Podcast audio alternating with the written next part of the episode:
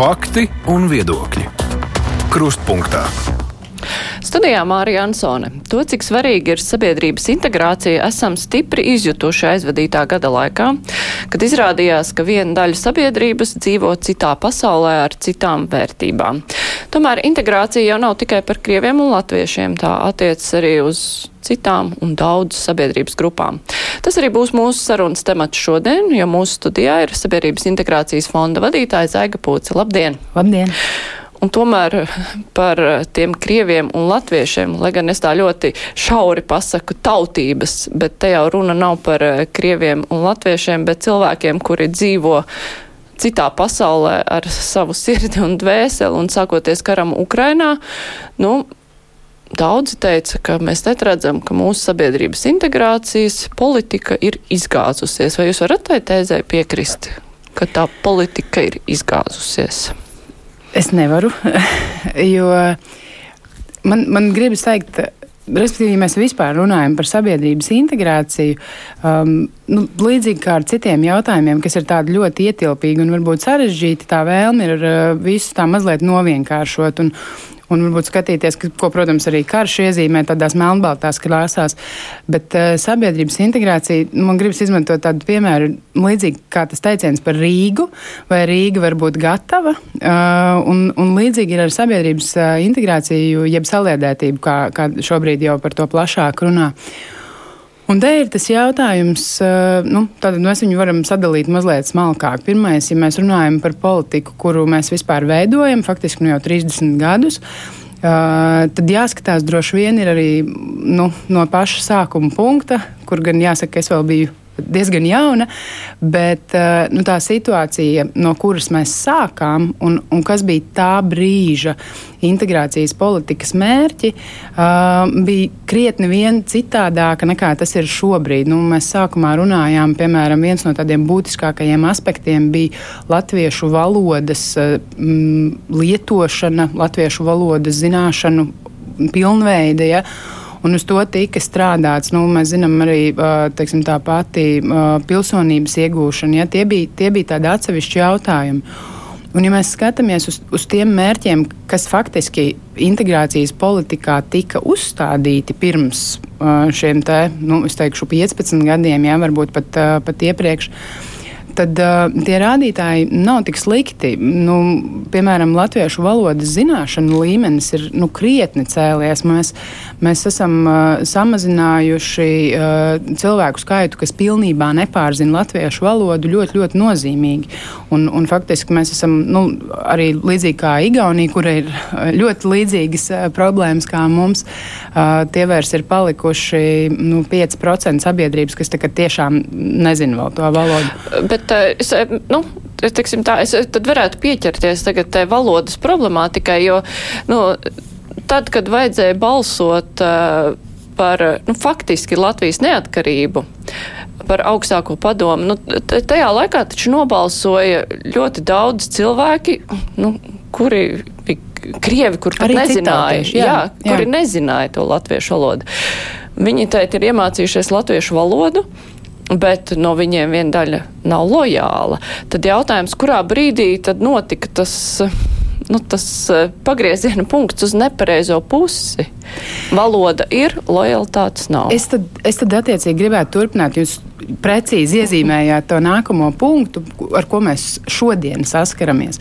Ka, ja sākumā bija mēs teiksim, to vienoto vēstures izpratni, veidojām valodas zināšanas, vēlējāmies un piedarības sajūtu valstī radīt, tad, ja tie pirmie divi punkti rādītājos pakāpeniski visu laiku uzlabojās un ir uzlabojušies, tad šis piedarības sajūtas jautājums Tas varbūt palika nu, nedaudz ēnā, ja tā varētu teikt. Uh, līdzīgi kā nu, varbūt es tādu mazu atkāpi par, uh, par mūsu pilsonisko aktivitāti. Ja? Arī tas bija, es, es, es pati tā pieņemu, mana paudze, ja tā tad 30 plus 40, ja, um, ir tie, kas bija bērni uh, atmodas laikā. Un tā sajūta bija tāda, ka Mēs taču visi tikko, tikko zinām, ko nozīmē dzīvot uh, autoritārā, uh, autoritārā valstī, cik tas ir briesmīgi, un ka visi taču tagad, turpmāk, nākotnē sapratīs, kāda demokrātija ir liela vērtība. Un atsevišķi tāda specifiska uzsvara izglītībā vai kā citādāk nebija par to. Uh, Un mēs esam nonākuši šobrīd līdz tam, ka šie bērni, kas bija 90. gados, nu, ir pieauguši cilvēki, un mēs redzam, kāda mums ir vēlēšanu rezultāti, cik zema ir aktivitāte. Un tieši tas pats ir ar šo piederības sajūtu valstī, ka, ka piederības sajūta, uh, nu, kā saka, tu jau nepiespiedi cilvēkus mīlēt valsti. Uh, viņiem šī te. Um, piederības sajūta, patriotisms, viņš radās esot tur un saprotot, ka tā valsts, kurā tu esi, par tevi rūpējās. Un, un vēl, maza, vēl viens mazs aspekts, kas ir um, attiecībā uz šo sabiedrības salēdētības integrācijas politiku. Uh, ir tas, ka mums ir jārēķinās, ka mums ir ļoti agresīva kaimiņu valsts, kas iegulda milzīgus līdzekļus tajā, lai radītu šo te, uh, dezinformāciju, viltus informāciju par Latviju kā neizdevušos valsti.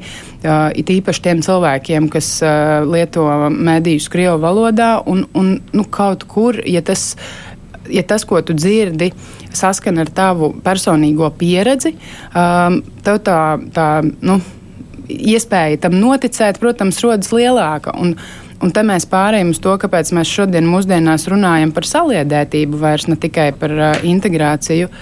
Uh, tas, ko mēs arī nu, diezgan tīpaši pēdējo trīs gadu laikā, kopš es esmu sabiedrības integrācijas fondā, mēs uh, lielu uzsvaru liekam uz uh, datiem, to ievākšanu un tā skaitā analīzi.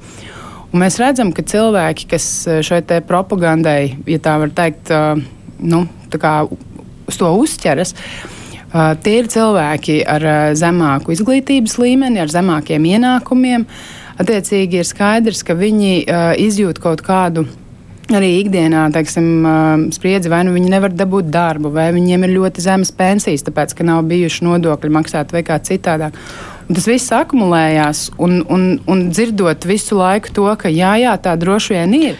Bet nu, to kaut kādi dati apliecina, ka cilvēki, kuri jūtas sociāli neaizsargāti, jo es nu, arī pieķeroties frāzē, ka valsts par tevi rūpējas, man tā uzreiz atmiņā atsauc padomi valsts nu, nu, kādas bija tās padomju valsts rūpes par cilvēku un Mazas. dzīve tagad, nu, tas šķiet vienkārši nesalīdzināmi, tāpēc eh, tas arī varētu būt iemesls eh, šī vēlme izrauties no padomju valsts, kāpēc tik daudz Krievi atbalstīja neatkarīgu Latviju, jo viņi gribēja labāk dzīvot, un viņi dzīvo labāk.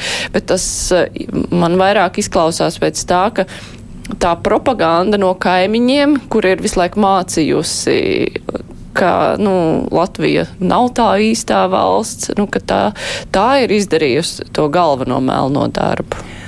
Uh, pilnīgi noteikti tam ir ļoti liels, uh, ļoti liels iespējas. Es uh, to uh, rūpes no valsts aspekta domāju tādā ziņā, ka, ka ir kaut kāda, nu, teiksim, par tiem pašiem datiem jūs minējāt. Nu, tā ir, ka mēs redzam, ka tie cilvēki, teiksim, skatoties datus kopēji, ir, ir viens rādītājs. Tajā brīdī, kad tu skaties jau viņus mazliet detalizētāk, kāds ir šo cilvēku vecums, kur izvēlās vienu vai otru atbildi, kāds ir viņu izglītības ienākumu līmenis, tur tiešām parādās, ka šīs ir tās mazais sargātās grupas. Un arī uh, profesoram Sergiem Krukam ir, uh, ir šāds pētījums attiecībā uz Covid laiku. Ka, ka daļa cilvēku, kas uh, nu, kurai bija grūtāk piekļūt, piemēram, pie Covid laika sniegtā atbalsta, bija atkal šie cilvēki, kuriem varbūt nepietiekamas valodas zināšanas, vispār zināšanas par to, kāda valsts pakalpojumi ir pieejami. Un, un tā ir tas, tas, saka, tas, tas bīstamais, bīstamais molotovu kokteils, ka tev no vienas puses ir šī agresīvā propaganda, kas tev stāsta, ka viss ir slikti, un no otras puses kaut kādas mazas tavas nu, privātās pieredzes eh, asniņš, ja, un, un sajaucoties tam, tam kopā, izveidojās tā sajūta, ka nu, jā, tā taču ir taisnība, ko viņi tur saka. Tāpēc, eh, tāpēc mēs arī uh, politikas līmenī tad, no tā sākuma jautājuma aiziet tālāk. Tad, tad, tas sākotnējais mērķis bija viens un tika strādāts uz vienu. Un tas, ko mēs sagaidām šobrīd no saliedētības politikas, tas jau ir, tas ir cita līmeņa gaidas vai vēlēšanās, ko mēs gribētu. Mēs vairs, mēs vairs nerunājam par to, ka mēs gribam, lai cilvēki runā latviešu, mēs to pieņemam kā pašsaprotamu. Un, un, un mēs šobrīd jau runājam par to, ka mēs vēlamies, lai cilvēki Uh, neiekrīt šajos propagandas slazdos. Mēs vēlamies, lai viņi redz tās rūpes, ko valsts patiesībā piedāvā, lai viņi pie viņām piekļūst. Un, un tas arī ir aspekts, ko, piemēram, Sabiedrības integrācijas fondā jau šobrīd var redzēt. Tad, tad mums arī tās attiecības ar politikas veidotājiem, kas ir šīs dažādas ministrijas, kurai katrai ir varbūt kaut kāda daļa no, no integrācijas um, um, jomas. Uh, tas, tas viss politikas sakoncentrējās SIFā. Nu, ja tā var vienkāršot izteikties, tad ministrijas ir kā pasūtītājs un mēs esam kā īstenotājs. Bet mēs, protams, sadarbojamies ļoti cieši. Un, ja mēs redzam kaut kādus datus, kaut kādus pētījumus, vēl kaut kādas tendences, mēs dodam informāciju šiem politikas veidotājiem, kādā virzienā vajadzētu iet. Bet, eh, nu, jā, nu, es vienkārši mēģinu arī to bildi tā iztēloties. Tad, uh, uz ko mēs liekam to lielāko akcentu, jo mēs varam nodrošināt, eh, nu, labi, mēs nevaram uztaisīt ideālu dzīvi, tīri, nu, sadzīviskā ziņā, sociālā ziņā visiem, ir tīpaši tagad, kad ir grūti. Jā. Eh, tajā pašā laikā, nu, mums ir kaut kā jāstrādā ar cilvēku prātiem, bet eh, ka, ka, ko ir plānots darīt? Nu, vai tur ir kaut kādi instrumenti? Nu, vienīgais, kas tā tieši, tieši nāk prātā, tie ir mēdīji. Jā. Jautājums tikai caur kuriem mēdījiem tad tagad uzrunāt tos cilvēkus, kur kādreiz skatījās Rasija un uh, to pirmo nu, kanālu. Laikas, jā. Jā. Um, mēs strādājam diezgan intensīvi tieši domājot par to, ko darīt. Un, un atkal ir tie, tie, tie divi aspekti, ka mēs esam uh, ar to savu integrācijas uh, pieredzi, ar to es domāju, mēs Latvijā uh, mēs esam diezgan unikāli. Jo kopumā, uh, teiksim, pasaules kontekstā, ja runā par uh, integrāciju, tā ir tas, tas bieži vien tie ir iebraucēji, imigranti, kas ir atbraukuši un kuriem ir vienkārši jāapgūst šīs valsts kultūra. Mums tomēr ir tas specifiskais aspekts, ka tie cilvēki šeit liela daļa varbūt pat ir dzimuši, kas, kas joprojām atrodas tajā Krievijas mēdīju telpā.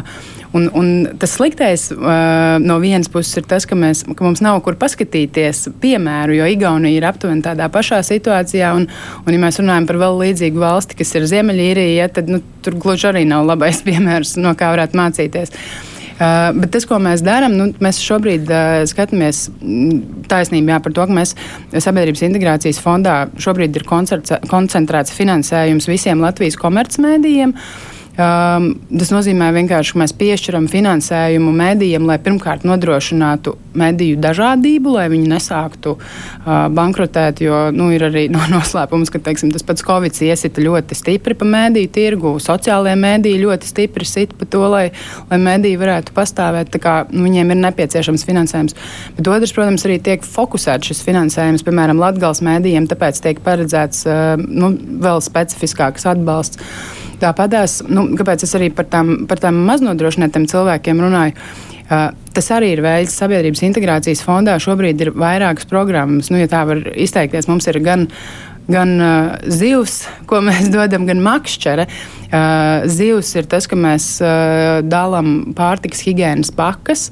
Uh, mēs, uh, nu, teiksim, ja mēs, piemēram, par Ukraiņas civilizētājiem runājam, arī mēs tiešā veidā uh, palīdzam ar. Uh, Ja viņiem ir nepieciešams kādas konsultācijas, dokumentu nokārtošanai, bankas konta atvēršanai vai kā savādāk, mēs nodrošinām sociālo mentoru.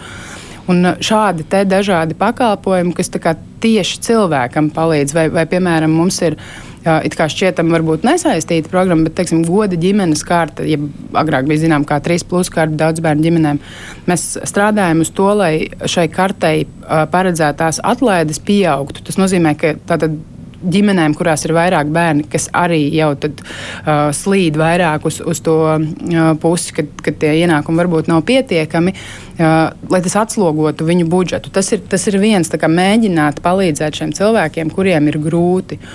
Nu, un, un otra lieta ir tas, ka mēs vienkārši strādājam tā makšķeri. Tas ir tas, ka mēs, piemēram, ar ilgstošiem bezdarbniekiem, kas arī ir mūsu programma, mēs uh, gatavojam specifiskas apmācību programmas, piedāvājam viņiem psihologu, jurista uh, konsultācijas vai palīdzību, lai izrautu viņus no šīs te, nu, varbūt vides, kurā viņi ir izkrituši no sociāli aktīvas uh, dzīves un aprites. Nu, piemēram, š, labs rādītājs tiek uzskatīts, ka 30% eh, šādu cilvēku atgriežot darba tirgu, ka tas, varētu, ka tas varētu būt labi. Mums ir izdevies izveidot programmu, kur mēs esam atgriezuši darba tirgu vai, vai izglītības tirgu 50%. Šodien arī klausījos uh, rīta panorāmā uh, Simpsons kundze no Nodarbinātības valsts aģentūras minēja, ka viņi redz, ka ilgstošie bezdarbnieki vairāk atgriežas tirgu. Nu, tās ir tās lietas, ar kurām mēs strādājam, lai tos cilvēkus iesaistītu. Nu jā, bet eh, es, es at, vienkārši gribēju mazliet atkāpties atpakaļ, jo nu, tās ir lietas, kas attiecas uz pilnīgi visiem lojāliem, nelojāliem, uz visiem cilvēkiem, kuriem vajag atgriezties darba dzīvē. Bet uh, tomēr Par mēdījiem, piemēram, runājot, finansējums, kas ir paredzēts šogad, ir krietni lielāks nekā bija iepriekš. Un Covid laiks arī bija nu, tas brīdis, kad vajadzēja uzrunāt, jo nu, tur arī vajadzēja pārliecināt cilvēkus. Tagad vajag pārliecināt cilvēkus. Toreiz bija pārmetumi Sifam, arī Nepalam par to, kam tā nauda aiziet. Nu, tur bija pat pārmetumi, ka drošības dienas pat pievērš uzmanību, nu, ka tie ir tādi nelojāli, av, nevis mēdī, ja viņus tā var nosaukt. Vai tagad ir kaut kādi, nu, tādas es nezinu, vadlīnijas, akcenti, nu, kam to naudu, tos 4,2 miljonus piešķirs, ko mēs gribam par to naudu sadzirdēt? Um, Kopumā, pirmkārt, es teiktu, tas arī ir mēdīju politikas jautājums, kur tas uzsvers tiek likts. Bet nu, pagaidām mēdīju politika ir tādā tikko ir beigusies vecā, vēl nav sākusies jaunā. Es gaidu, kad, kad būs tie lielie uzstādījumi, par kuriem jūs runājat, drīzumā um, tiks izstrādāti. Bet uh, tajā laikā uh, tas uzsvers ir nu, teiksim, jūs minētais piemērs par pārmetumiem SIFam. Uh, tas bija jā, saistīts ar to, ka tika atbalstīti mediji, kas raidīja arī Krievu valodā. Un atkal es gribētu teikt, šobrīd mēs piešķiram finansējumu mēdījiem, kas raida vai raksta latviešu valodā. Uh, konkursam var pieteikties arī komercmediji, kas varbūt ikdienā m, mm, to dara krievu valodā, bet, uh, bet ja viņi gatavo, ja viņi ir gatavi gatavot saturu latviešu valodā, arī viņi var nākt uz mediju atbalsta fondu un, un šo finansējumu iegūt. Uh, otrs ir tas, ka mēs esam Mēs tā uh, proaktīvi esam strādājuši uz to, lai, lai pārliecinotos, ka tā informācija, kas tiek gatavota, ka viņa tiek, nu, ja tā var teikt, uh, nu, ka viņa atbilst tādiem vispārējiem mēdīju vides, demokrātijas principiem. Mums ir piemēram iestrādāti uh, kritēriji par to, ka, ja piemēram mēdījiem ir bijis mēdīju etikas padoms. Uh, ja, ja tā var teikt, pārkāpums, atzinums no mēdīņu etikas padomus, ka, tā, ka kaut ko mēdījis nav darījis atbilstoši mēdīju etikas standartiem, tad viņš nevar pieteikties šim finansējumam. Uh, un daudz citas lietas, uh, nu, kam mēs sekojam līdzi. Uh, tas atsevišķais gadījums, kas bija tajā brīdī, kad mēs atbalstījām mēdījus Krievijā, tas tieši bija saistīts ar šo Covid krīzi. Un konkrēti tas finansējums nebija, ja tā var teikt, ikgadējais mēdīju atbalsts, bet tas bija specifiskais finansējums par uh, sabiedrības informēšanu par Covid. Un tas savukārt nozīmē, ka, ja mēs runājam par mūsu visu dzīvību, drošību un veselību, tad šeit nav būtiski vairs. Uh, nu, saka, tajā brīdī mēs nemainām uh, to mediju vidi. Tajā brīdī ir svarīgi informēt ikvienu Latvijas iedzīvotāju, vienalga kādā valodā vai kādas etniskās piedarības viņš ir, ka viņš zina un saprot, kā pasargāt sevi un, un arī pārējo sabiedrību. Bet uh, visādi citādi politikas kontekstā vismaz uh, valsts atbalsta mēdīju saturu latviešu valodā. Nu jā, un te ir arī tas uh, vēl cits jautājums, ja mums vajag ievilkt mūsu informācijas vidē cilvēkus, kur pirms tam ir patērējuši Krievijas mēdījus, visticamāk tāpēc, ka viņiem tā ir bijis vieglāk un saprotamāk. Jā. Tad tagad mums ir viņi jāpār jāpārliecina karā būt mūsu pusē, uh, un tas ir jāizdara latviešu valodā. Jautājums, kā mēs viņus iedabūsim tajā mūsu informācijas, tajā, lai viņi skatās un lasa un redz. Nu, šo es pilnīgi noteikti gribētu teikt, ka tas ir lielās politikas jautājums. Kultūras ministrija par, par šo atbildi. Un, nu, tas ir viņu redzējums, kā, kā viņi saskata. Kā jau teicu, viņi ir pasūtītājs, mēs esam īstenotājs. Mēs varam ieteikt dažādas uh, metodes, bet uh, jebkurā gadījumā politikas veidotājs izvēlās tos veidus. Un šobrīd es saprotu, uzstādījums ir tāds, ka mēs tomēr ejam uz to, ka mēs radām šo latviešu valodas lietošanas telpu, ja tā var teikt, un, un, un cenšamies, nu, es teiktu, liekam varbūt tādu pirmo akmeni tajā, ka cilvēki varbūt ar laiku tomēr, un te jau mēs runājam nevis par gadu vai diviem, bet tomēr par paudzēm, kas, eh, kas sāktu izmantot vairāk eh, medijus latviešu valodā un tur gūt informāciju par to, kas viņiem ir svarīgi. Nu, labi, par Ukraiņiem runājot. Jūs jau minējāt, ka Ukraiņiem ir, nu, ir dažādi ceļi, kā palīdzēt. Ir tālrunis, kur zvanīt, ir mentors, ir. Uh, bet, nu, Ja mēs šeit runājam par apmēram 40 tūkstošiem cilvēku, kas šeit atrodas tā nopaļojot, no integrācijas viedokļa, vai ir kaut kādas aplēses, nu, cik liela daļa no šiem cilvēkiem ir tā nu, padziļināti jāintegrē Latvijā? Jo te ir tā duālā situācija. Visi grib mājās, bet nezinu, vai atgriezīsies mājās. Jā. Um,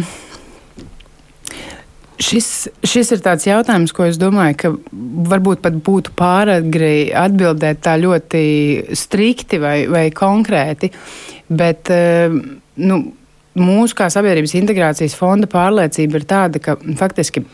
Atkal atgriežoties pie valodas, valoda, protams, ir pirmais eh, un būtiskākais elements, kas šo integrāciju uh, veicina. Uh, Um, šajā aspektā teiksim, jau šobrīd, pagājušajā gadā, tika tam piešķirts finansējums, un, un mēs uh, caur integrācijas fondu apmācījām aptuveni 3,5 tūkstošus uh, Ukraiņas civilīdzīvotāju, kas, kas šo valodu A1 un daļa jau A2 līmenī apguva. Uh, Uh, protams, mēs arī redzējām tieši kursu ietveros tendenci, kad bija cilvēki, kas pat uzsāk mācīties un, un, un pēc mēneša vai, vai kāda īsāka brīža aizbrauc atpakaļ uz, Ukro, uz Ukrainu. Bet es domāju, ka tas ir cieši saistīts ar to, cik garš būs šis Ukraiņas karš, ko šobrīd neviens nevar pateikt. Un, un, nu, ja man jāsaka, tad izskatās, ka viņš būs garāks nekā mēs bijām cerējuši, un visticamāk arī nekā Ukraiņas civiliedzīvotāji bija, bija cerējuši. Un no šī aspekta es domāju, neviena, neviena palīdzība, ko mēs sniedzam cilvēkiem, kas pārceļas vai atbēg uz dzīvi uh, Latvijā. Vienalga, vai, tas, vai tie ir trīs mēneši, pusgads, vai, vai beigās tie izvēršas par desmit un vairāk gadiem. Neviena palīdzība, ko mēs šobrīd viņiem sniegtu, nebūs uh, vējā izmesta. Jo, jo tā sajūta, ka tev ir palīdzēts brīdī, kad tev bija ļoti tas nepieciešams, viņa, viņa saglabājās, viņa veido tālāk arī to, to sabiedrisko domu. Un, un ļoti daudz Latvijas iedzīvotāji arī komunicē ikdienā arī tādus datus mēs, mēs vācam, mēs redzam, ka tā saziņa ar cilvēkiem Ukrajinā ir. Savā ziņā ieguldot uh, to atbalstu Ukraiņas civiliedzīvotājiem, mēs arī nonākam pie tā, ka mēs arī ceļam to ja tā var teikt, mūsu valsts iedzīvotāju pašapziņu, ka mēs esam valsts, kas palīdz cilvēkiem grūtā brīdī. Tā kā es tādā ziņā teiktu, ka tas, ko mēs šobrīd darām, vai tie ir mentori, vai tās ir pārtiks pakas, vai tā ir latviešu valoda, ko mēs uh, palīdzam šiem cilvēkiem iemācīties, uh, nekas no tā nav lieki izdarīts. Par valodas kursu pieejamību.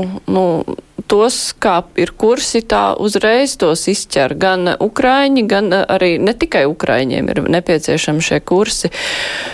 To pietiek? Tos var nodrošināt tādā apmērā, jo es arī paskatījos eh, naudas izteiksmē, nu, tad, kad runa ir par eh, kursu nodrošināšanu Ukraiņiem, tur jau parādās lielākas naudas summas. Tā nauda, kas bija pirms tam, nu, salīdzinoši vispār šķiet smieklīgi. Ko, ko var iemācīt par to?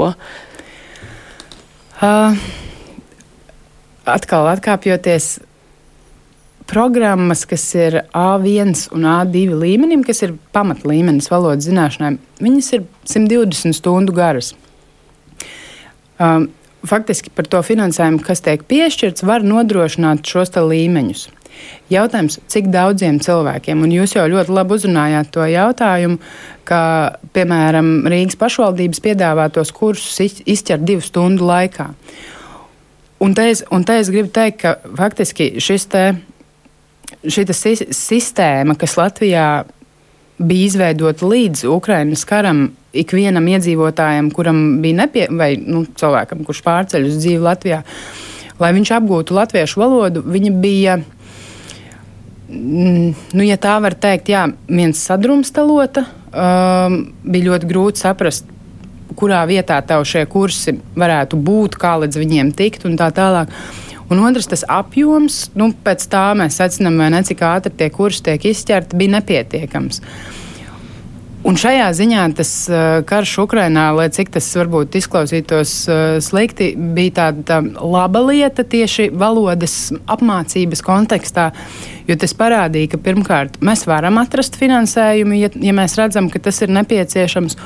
Un otrkārt, uh, sabiedrības integrācijas fondam, manuprāt, izdevās uh, izveidot ļoti uh, labu sistēmu, kur es ceru, ka, ka viņa nepazudīs. Mēs faktiski izveidojām tāda veida moduli, ka, ka jebkurš valodas nodrošinātājs, jeb kursu nodrošinātājs var pieteikties. Uh, mums ir centralizēta informācija par to, cik vispār tādu ir, cik ir brīvas vietas, kur ir brīvas vietas. Uh, Vienlaikus mēs uh, spējām nodrošināt gan valodas mācības klātienē, gan attālināti. Attiecīgi mums izdevās pat ļoti īsā laikā izveidot sistēmu, kas, uh, kas nosedz tās visas vajadzības. Un, ja mēs runājam par Ukraiņas civiliedzīvotājiem, tad faktiski gan finansējums, gan iespējas bija pat vairāk nekā bija pieprasījums. Uh, Es zinu, ka arī šogad valdība tam ir paredzējusi naudu tieši Ukraiņas civiliedzīvotājiem, un tas ir, tas ir lieliski.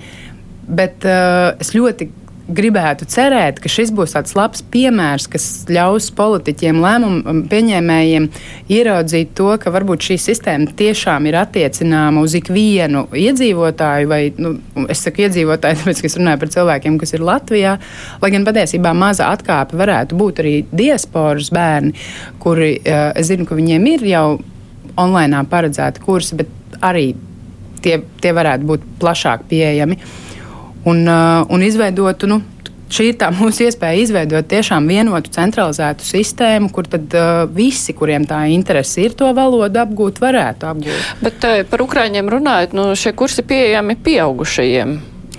Pieaugušajiem un, un bērniem no 17 gadiem, jo tur bija tā specifika, ka Ukrainas. Jā, ka viņiem ir jābūt izglītībai noteiktā jau līmenī. Nu, faktiski, ka tas ir. At... Tas nav saistīts ar, ar izglītību, tas ar saistīts vecumu. ar vecumu. Jā. jā, bet runājot par valodu un bērniem līdz 17 gadiem, ir skaidrs, ka bērndārznieki pirmās klases skolās diezgan viegli adaptējās, nezinot valodu, un tagad viss mācības tikai latviešu valodā. Vai tiek domāts, kā palīdzēt bērniem, kur ir starposmā, pusauģi, kuriem, nu, principā, viņiem valodas nezināšanas dēļ viņi var būt tieši izstumti, un eh, nevienmēr skolā var nodrošināt atbalstu pietiekoši, vai tiek domāts, nu, kā viņus, kā viņus atbalstīt tieši valodas mācīšanas ziņā? Eh, līdz šim jautājums attiecībā uz eh, bērnu, un es teikšu, respektīvi, cilvēku līdz 17 gadiem, jo no 17 varēja pie mums mācīties, bet bērnu izglītības jautājums, tā skaitā valodas izglītība, ir bijusi izglītības zinātnes ministrijas pārziņā. Un tas, kā tas tika risināts, bija caur vasaras bērnu nometnēm, lai palīdzētu bērniem šo valodu apgūt. Bet, un tur arī bija ļoti maz vietu, un, maz un arī vietu, nu, ļoti daudzi netika. Jā, bet jūs, es, jā. kāpēc es pieķēros tam diasporas bērniem, jo tas uh, notiek internetā droši vien. Jā. Jā. Kāpēc to nevar Ukrāņiem piedāvāt? Uh, es domāju, ka var. Ar to strādā Latviešu valodas uh, aģentūra, un uh, viņiem materiāli ir sagatavoti. Uh, iespējams, tur ir kāda specifika, valodas zināšana, varbūt priekšzināšana līmenī, bet uh, cik man zināms, Latviešu valodas aģentūrā ir pietiekami daudz dažādu metodiskie materiāli. Tas arī visticamāk ir uh, tāds politiskās izšķiršanās jautājums, tad cik mēs atvēlam tam līdzekļus. Uh, un, un kādā veidā tad, tad tiek turpināts vai paplašināts tā esošā sistēma. Par Ukraiņiem runājot, valoda ir tas tās uh, valoda darbs, nu tās ir tās galvenās problēmas, kas traucē iekļauties sabiedrībā. Uh, kopumā jā.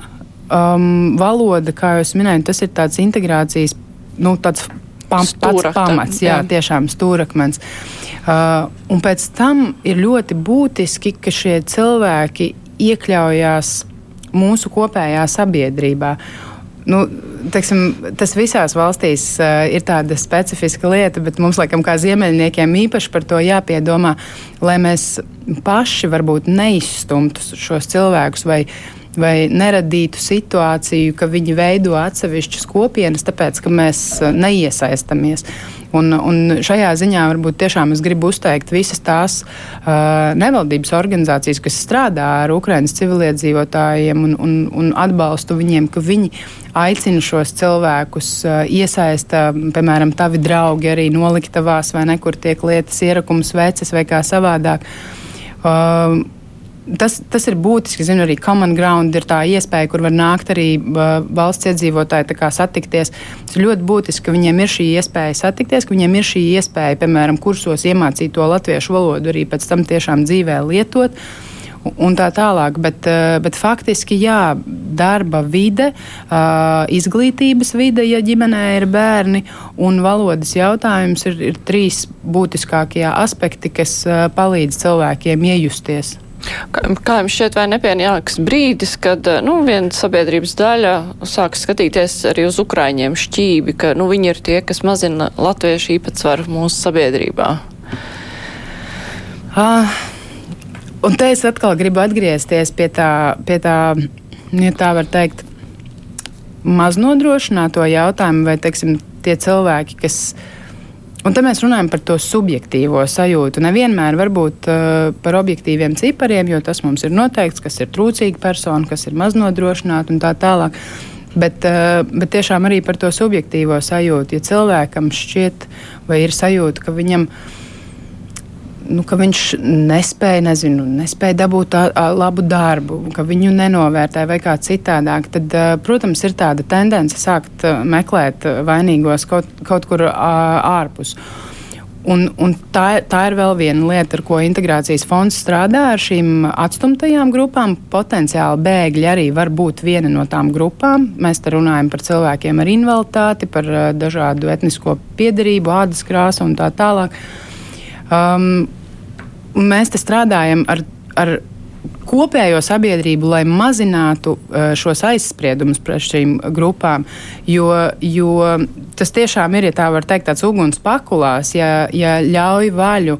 Uh, šiem vienam diskriminācijas vai aizspriedumu veidam būt pietiekami spēcīgam, viņš ļoti ātri izplatās arī uz citām mazaizsargātajām grupām. Jo visu laiku var atrast kādu citu vainīgo, kas, eh, kas iespējams ir vainojams pie mūsu nelaimēm. Un, un tāpēc arī mēs no šīs puses, no vienas puses cenšamies šos cilvēkus iespējot, ja viņi ir maznodrošināti vai, vai, vai uz šī trūcīguma sliekšņa, lai viņi tiktu varbūt vairāk sabiedrībā iekļauti. Un no otras puses mēs atkal strādājam ar informēšanu, ko nozīmē diskriminācija, kas ir aizspriedumi, kāpēc uh, nevajag skatīties nezinu, uz tiem pašiem cilvēkiem ar invaliditāti vai, vai, vai citu etnisko piedarību, kā uz, kā uz nezinu, kaut kādu iemeslu, kāpēc kaut kas nav noticis. Tas ir drīzāk uh, iespēja. Jo, Ir jau pat uh, McKenzie um, dati attiecībā uz uzņēmumiem, ka jo dažādāka uzņēmumā ir darbinieku uh, vides sastāvs, uh, jo efektīvāk viņi strādā. Tad, Jā, mums nu, bija arī pirms stundas skanēja raidījums pievienotā vērtība, kur uh, tika minēti šie dati, jo dažādāk uzņēmumi, jo mazāk laika pavada sapulcēs, piemēram, jo dažādāk cilvēki tur strādā. Bet Jā. es, mēs ar šiem citiem integrācijas jautājumiem turpināsim. Man ir jāatgādina klausītājiem vēlāk Latvijas. Latvijas televīzijas skatītājiem, ka šodien mūsu studijā ir Sabiedrības integrācijas fonda sekretariāta direktore Zaiga Pūce. Tūlīt turpinam. Raidījums Krustpunktā. Jā, par šīm dažādajām integrācijas formām. Jūs jau iezīmējāt šo sociālo aspektu, ka tas ir ļoti būtisks, lai cilvēki iekļautos sabiedrībā, bet nu, fonds ar kādiem tad virzieniem jūs vēl strādājat? Kas ir tie galvenie ceļi? Ah. Ja, ja pavisam teiksim, tāds saknē, tad mūsu darbs ir ar mazaizsargātajām, atstumtajām grupām, trūcīgajiem. Mēs piešķiram finansējumu nevaldības organizācijām, mēs strādājam ar komercmediju atbalstu, un mums ir mm, tā saucamās demogrāfijas programmas, kas ir paredzētas nu, ar uzsvaru uz, uz, uz ģimenēm.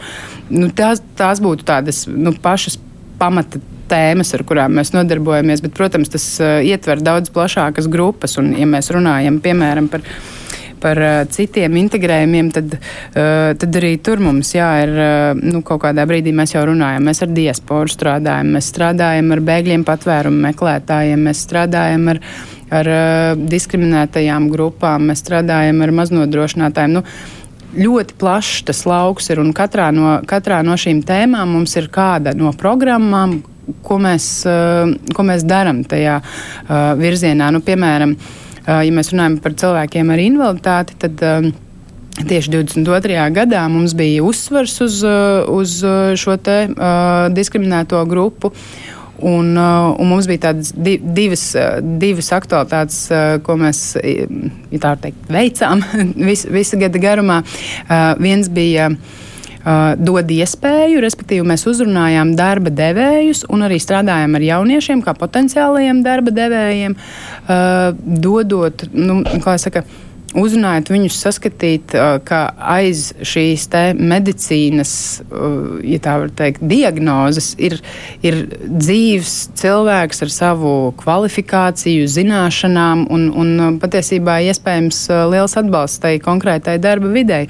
Uh, tad mēs kopā ar apēnu veidojām tādas kā sajūtu vakariņas, kur darba devēja varēja pieteikties un izmēģināt, nu, sajust, kā tas ir, ka tev tiek atņemta kāda no maņām. Un vienlaikus arī bija tur iespēja uzdot uh, jautājumus, kas varbūt ikdienā cilvēkus nu, kā var teikt, nodarbina, bet viņi samulst, pajautājot, varbūt satiekot uz ielas cilvēku ar invaliditāti. Tur viņiem bija tādā drošā vidē iespēja šos jautājumus uzdot. Tā skaitā attiecībā uz darbu bija jautājums, nu, kā es varu paņemt darbā cilvēku, kurš ir akls, ja man ir nepieciešams, ka viņš strādā ar datorprogrammu. Un, un tad šie cilvēki atbildēja, bet mums mūsdienās jau sen ir izgudrotas programmas, kas ir, kas ir ar balsi un, un vairadzīgi vai, vai pat akli cilvēki var strādāt arī ar datorprogrammām. Bet kādas sekmes tam visam bija? Nu, teiksim, cik darba devēji tapa pārliecināti? Um, nu jāsaka, ka tas darbs bieži vien ir arī tāds ilgtermiņa uh, darbs. Arī, ja mēs runājam piemēram par uh, vecuma diskrimināciju, ja, nu, to mēs pamanīsim varbūt tādā ilgākā periodā, redzot, ka teiksim, cilvēku skaits, kas ir, nu, ja tā var teikt, N, N, nodarbinātības valsts aģentūras datos, viņi, viņi skatās, ka teiksim, 50 plus, kas nav nemaz nekāds liels vecums, vai ne? Bet parādās, ka tur jau aizvien lielāks risks ir, ka cilvēks uh, nevar dabūt darbu ilgāku laiku. Nu, un, un tas, kā mēs pārliecināsimies, ka šīs aktivitātes strādā, un, protams, ne jau mēs vienīgie uh, darbojamies šajā virzienā, bet nu, tomēr uh, mēs esam, ja tā var teikt, tādi celmlauži, kas, kas uzstāda to, ka tam ir jāpievērš uzmanība. Un tad, kad mēs redzēsim, ka šie dati krītās un mazinās, tad mēs varēsim pateikt, ka tam ir bijis pietiekams efekts. Um, kopā, kopā teiksim, ar, ar apēnu es nevarēšu nosaukt konkrētus datus, bet, nu, ja mēs runājam par cilvēkiem, tad kaut vai tajās pašās vakariņās tur katru reizi bija sevi 60 cilvēki. Trīs reizes šādas vakariņas notika. Nu, mēs esam uzrunājuši noteiktu darba devēju skaitu. Mācībās, kas mums ir skatu punkti, kur aizvien lielāks skaits darba devēju piesakās, tās arī ir mācības, kur mēs stāstām kas ir diskriminācija, kā viņi izpaužas, ko vajadzētu darīt, lai tas nebūtu. Arī tur ir iespēja satikties ar dažādām šīm diskriminētajām grupām un uzdot jautājumus. Tur mums ir bijuši jau pār 300 uh, cilvēki gada laikā. Nu, tas nu nozīmē, jā, nu, ka tas ir jā. skaits, kas, kas jā. pietiekami, kā saka, katru gadu tā pilīte e, iepil un, un, un iet e, tajā kopējā katlā aizvien vairāk un vairāk. Jā, es, piemēram, skatījos datus par e, ģimenei draudzīgu darbu vietu, kas arī, nu, teiksim, lai iekļautu māmiņas, kuras sēž mājās, retāk tētis, kurš varbūt nevar strādāt, tāpēc, ka mājās mazi bērni, bet, nu, ģimenē draudzīga darbieta, 157 darba devēji kopā uz visu Latviju, uz visiem daudziem darba devējiem. Tas taču ir šausmīgi maz. Jā. Un tā programma ir gadu.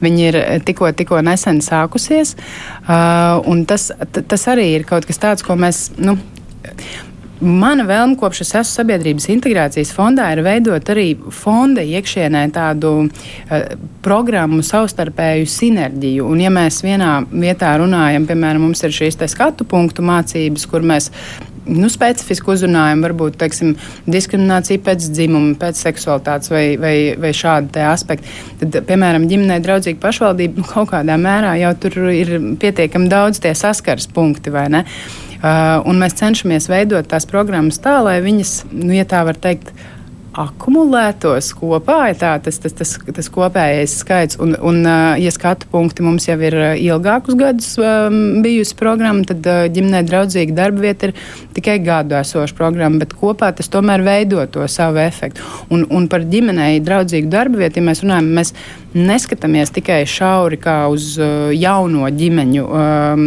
aspektu. Um, tas, tas ir daudz, arī tāds daudz uh, pilnīgāks uh, koncepts. Nu, piemēram, mēs zinām, ka Latvijas sabiedrība arī novecojās, un, un uh, teiksim, tā paliatīvā aprūpe nevienmēr visiem ir pieejama. Ir ļoti daudz ģimenes, kur, piemēram, ir arī veci vecāki, par kuriem ir jārūpējās. Arī, arī tas ir aspekts, kas darba devējiem ir jāņem vērā, ja viņš grib būt ģimenei atvērts.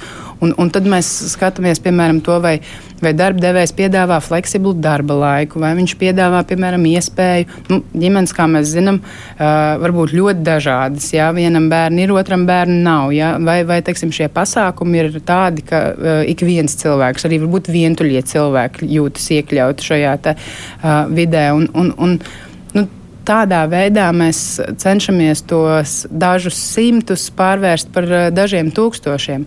Un, un kāpēc viena no mērķu grupām, ar kuriem mēs strādājam, ir darba devēji? Jo nu, savā ziņā es teiktu, ka darba devējs ir tāds neformālais sabiedrības līderis. Ja mums izdodas pārliecināt vienu darba devēju, un viņam vēl ir piemēram 50, 100, 300 darbinieku, tad tad diezgan droši uh, mēs varam teikt, ka viņam izdosies arī tos savus darbiniekus pārliecināt par to, ka, piemēram, aizspriedumi nav laba lieta. Ja? Tā kā, tā kā šajā aspektā es varbūt neskatītos tik ļoti tikai uz to vienu konkrēto ciparu, cik, cik arī uz to pozitīvo efektu, ko tas nes uh, tālāk. Jā, nu, tad darba devēja ir tāda viena mērķa grupa, bet eh, nu, kā vispār fondā skatās, nu, kurus projektus atbalstīt vai neatbalstīt? Jo fonds nāca līdzās. Ir jau, es eh, lasīju, ka bija jau ne jau tikai pagājušajā gadā, bet arī iepriekš viņi sūdzējās, ka viņus neviens neatbalsta gandrīz, viņi pārtiek no ziedojumiem un arī SIFs neatbalsta. Kāpēc? Kas tur neatbilst, jo viņi strādā ar bērniem ar īpašām vajadzībām. Nu, tā vajadzētu būt tai mērķa grupai. Uh, jā, tas ir jautājums par to, kā mēs administrējam finansējumu, kas ir viens arī no mūsu uzdevumiem. Un, um, tas finansējums, ko mēs piešķiram, tā skaitā nevaldības organizācijām, uh, nāk no finansējuma, ko mums arī nu, saka, vai nu mēs esam ieteikuši, ka šāda programma būtu jāizveido, vai teiksim, kāda no ministrijām ir lūgusi, ka šāda programma ir nepieciešama. Un tas, kā mēs šo finansējumu saka, nododam līdz konkrētam gala patērētājiem, ir saistīts ar to, ka mēs vispirms izveidojam nolikumu, kas paredz tātad, to, kas var pieteikties šai programmai, kam šī programma ir paredzēta. Un, tālāk organizācijas raksta savus pieteikumus, savu vīziju, ko viņi, ko viņi gribētu ar šo finansējumu izdarīt. Un, uh, ir programmas, kas ir specifiski mērķim, kur ir tiešām jārada jauni projekti. Uh, jo, nu, piemēram, tas pats jūsu minētais fonds nāca līdzās. Ja, uh, viņi jau strādā ilgstoši, viņiem ir kaut kāds darbs, ko viņi dara. Un, un tad ir programmas, kuras ir uh, domātas jaunu aktivitāšu radīšanai, tad tur viņiem ir jānāk ar jaunu ideju. Un tad mums ir NVO fonds, uh, kas ir ar lielāku uzsvaru tieši kapacitātes stiprināšanai un interešu aizstāvībai. Uh, tas NVO fonds ir lielākais finansējums. Tur ir divi miljoni no pagājušā gada. Tas ir, tas ir diezgan liels finansējums. Un uz šo programmu ir ļoti, ļoti liela konkurence. Nu, teiksim, varbūt es varu ieskicēt, eh, šajā programmā pieskās tādas organizācijas kā Latvijas bērnu slimnīca. Es visu laiku saku Latvijas, bet viņi ir vienkārši bērnu slimnīcas fonds, uh, Samarieši, Sarkanais krusts, fonds Dots, uh, Providus, uh, Latvijas mazpulki, Skautu un Gaidas, uh, Savs bērnu ciemats. Šīs ir visas organizācijas, kuras mēs esam atbalstījuši. Bet ar ko nāca līdzās ir sliktāks, piemēram, fondu dots, piemēram. Jā. Nu, Tā, visticamāk, visticamāk tas, tas stāsts ir par to, ka uh, nauda ir tik, cik viņi ir. Tādēļ mums ir um, ekspertu komisijas, kas ir gan NVO, gan arī valsts institūciju pārstāvi, kas šos konkrētos projektus tajā gadā vērtē. Un, uh, es, es varu teikt, ka man, man arī dažreiz ir ļoti žēl redzēt, ka dažreiz kāds projekts paliek aiz strīpas, ja tā var teikt, uh, 0,3 vai, vai 2 punktu dēļ. Uh, jo vienkārši naudas ir tik, cik viņas ir, un daudz citi labi projekti, kas arī pēc būtības būtu ļoti labi, ja viņi tiktu realizēti, viņiem vienkārši nepietiek finansējums. Bet vai nav tā, ka ir kaut kādi projekti, kas tiek atbalstīti gadu no gada, un ir kuri gadu no gada netiek atbalstīti? Nu? Mēs par to esam padomājuši, lai, lai nebūtu tas, kā, kā tā var teikt, ir cilvēki, kas iesit roku un tad, tad raksta projekts. Ja, tāpēc mēs šo trīs gadu laikā esam ļoti mērķiecīgi strādājuši uz to, lai tas pieteikums, kas ir jāizpilda, lai finansējumu pieteiktu, būtu pēc iespējas vienkāršāks, īsāks un, un nu, organizācijām nebūtu jābūt īpašām priekšzināšanām, lai viņi vispār to visu pieteiktu. Un vienlaikus apzinoties, ka ir tādas organizācijas, kā manas nosauktās lielās, kas varbūt tiešām arī nu, es teikšu, ļoti regulāri strādā ne tikai sabiedrības integrācijas fondā, bet vispār arī uz Eiropas fondu piesaistīšanu un tiešām prot projektus rakstīt.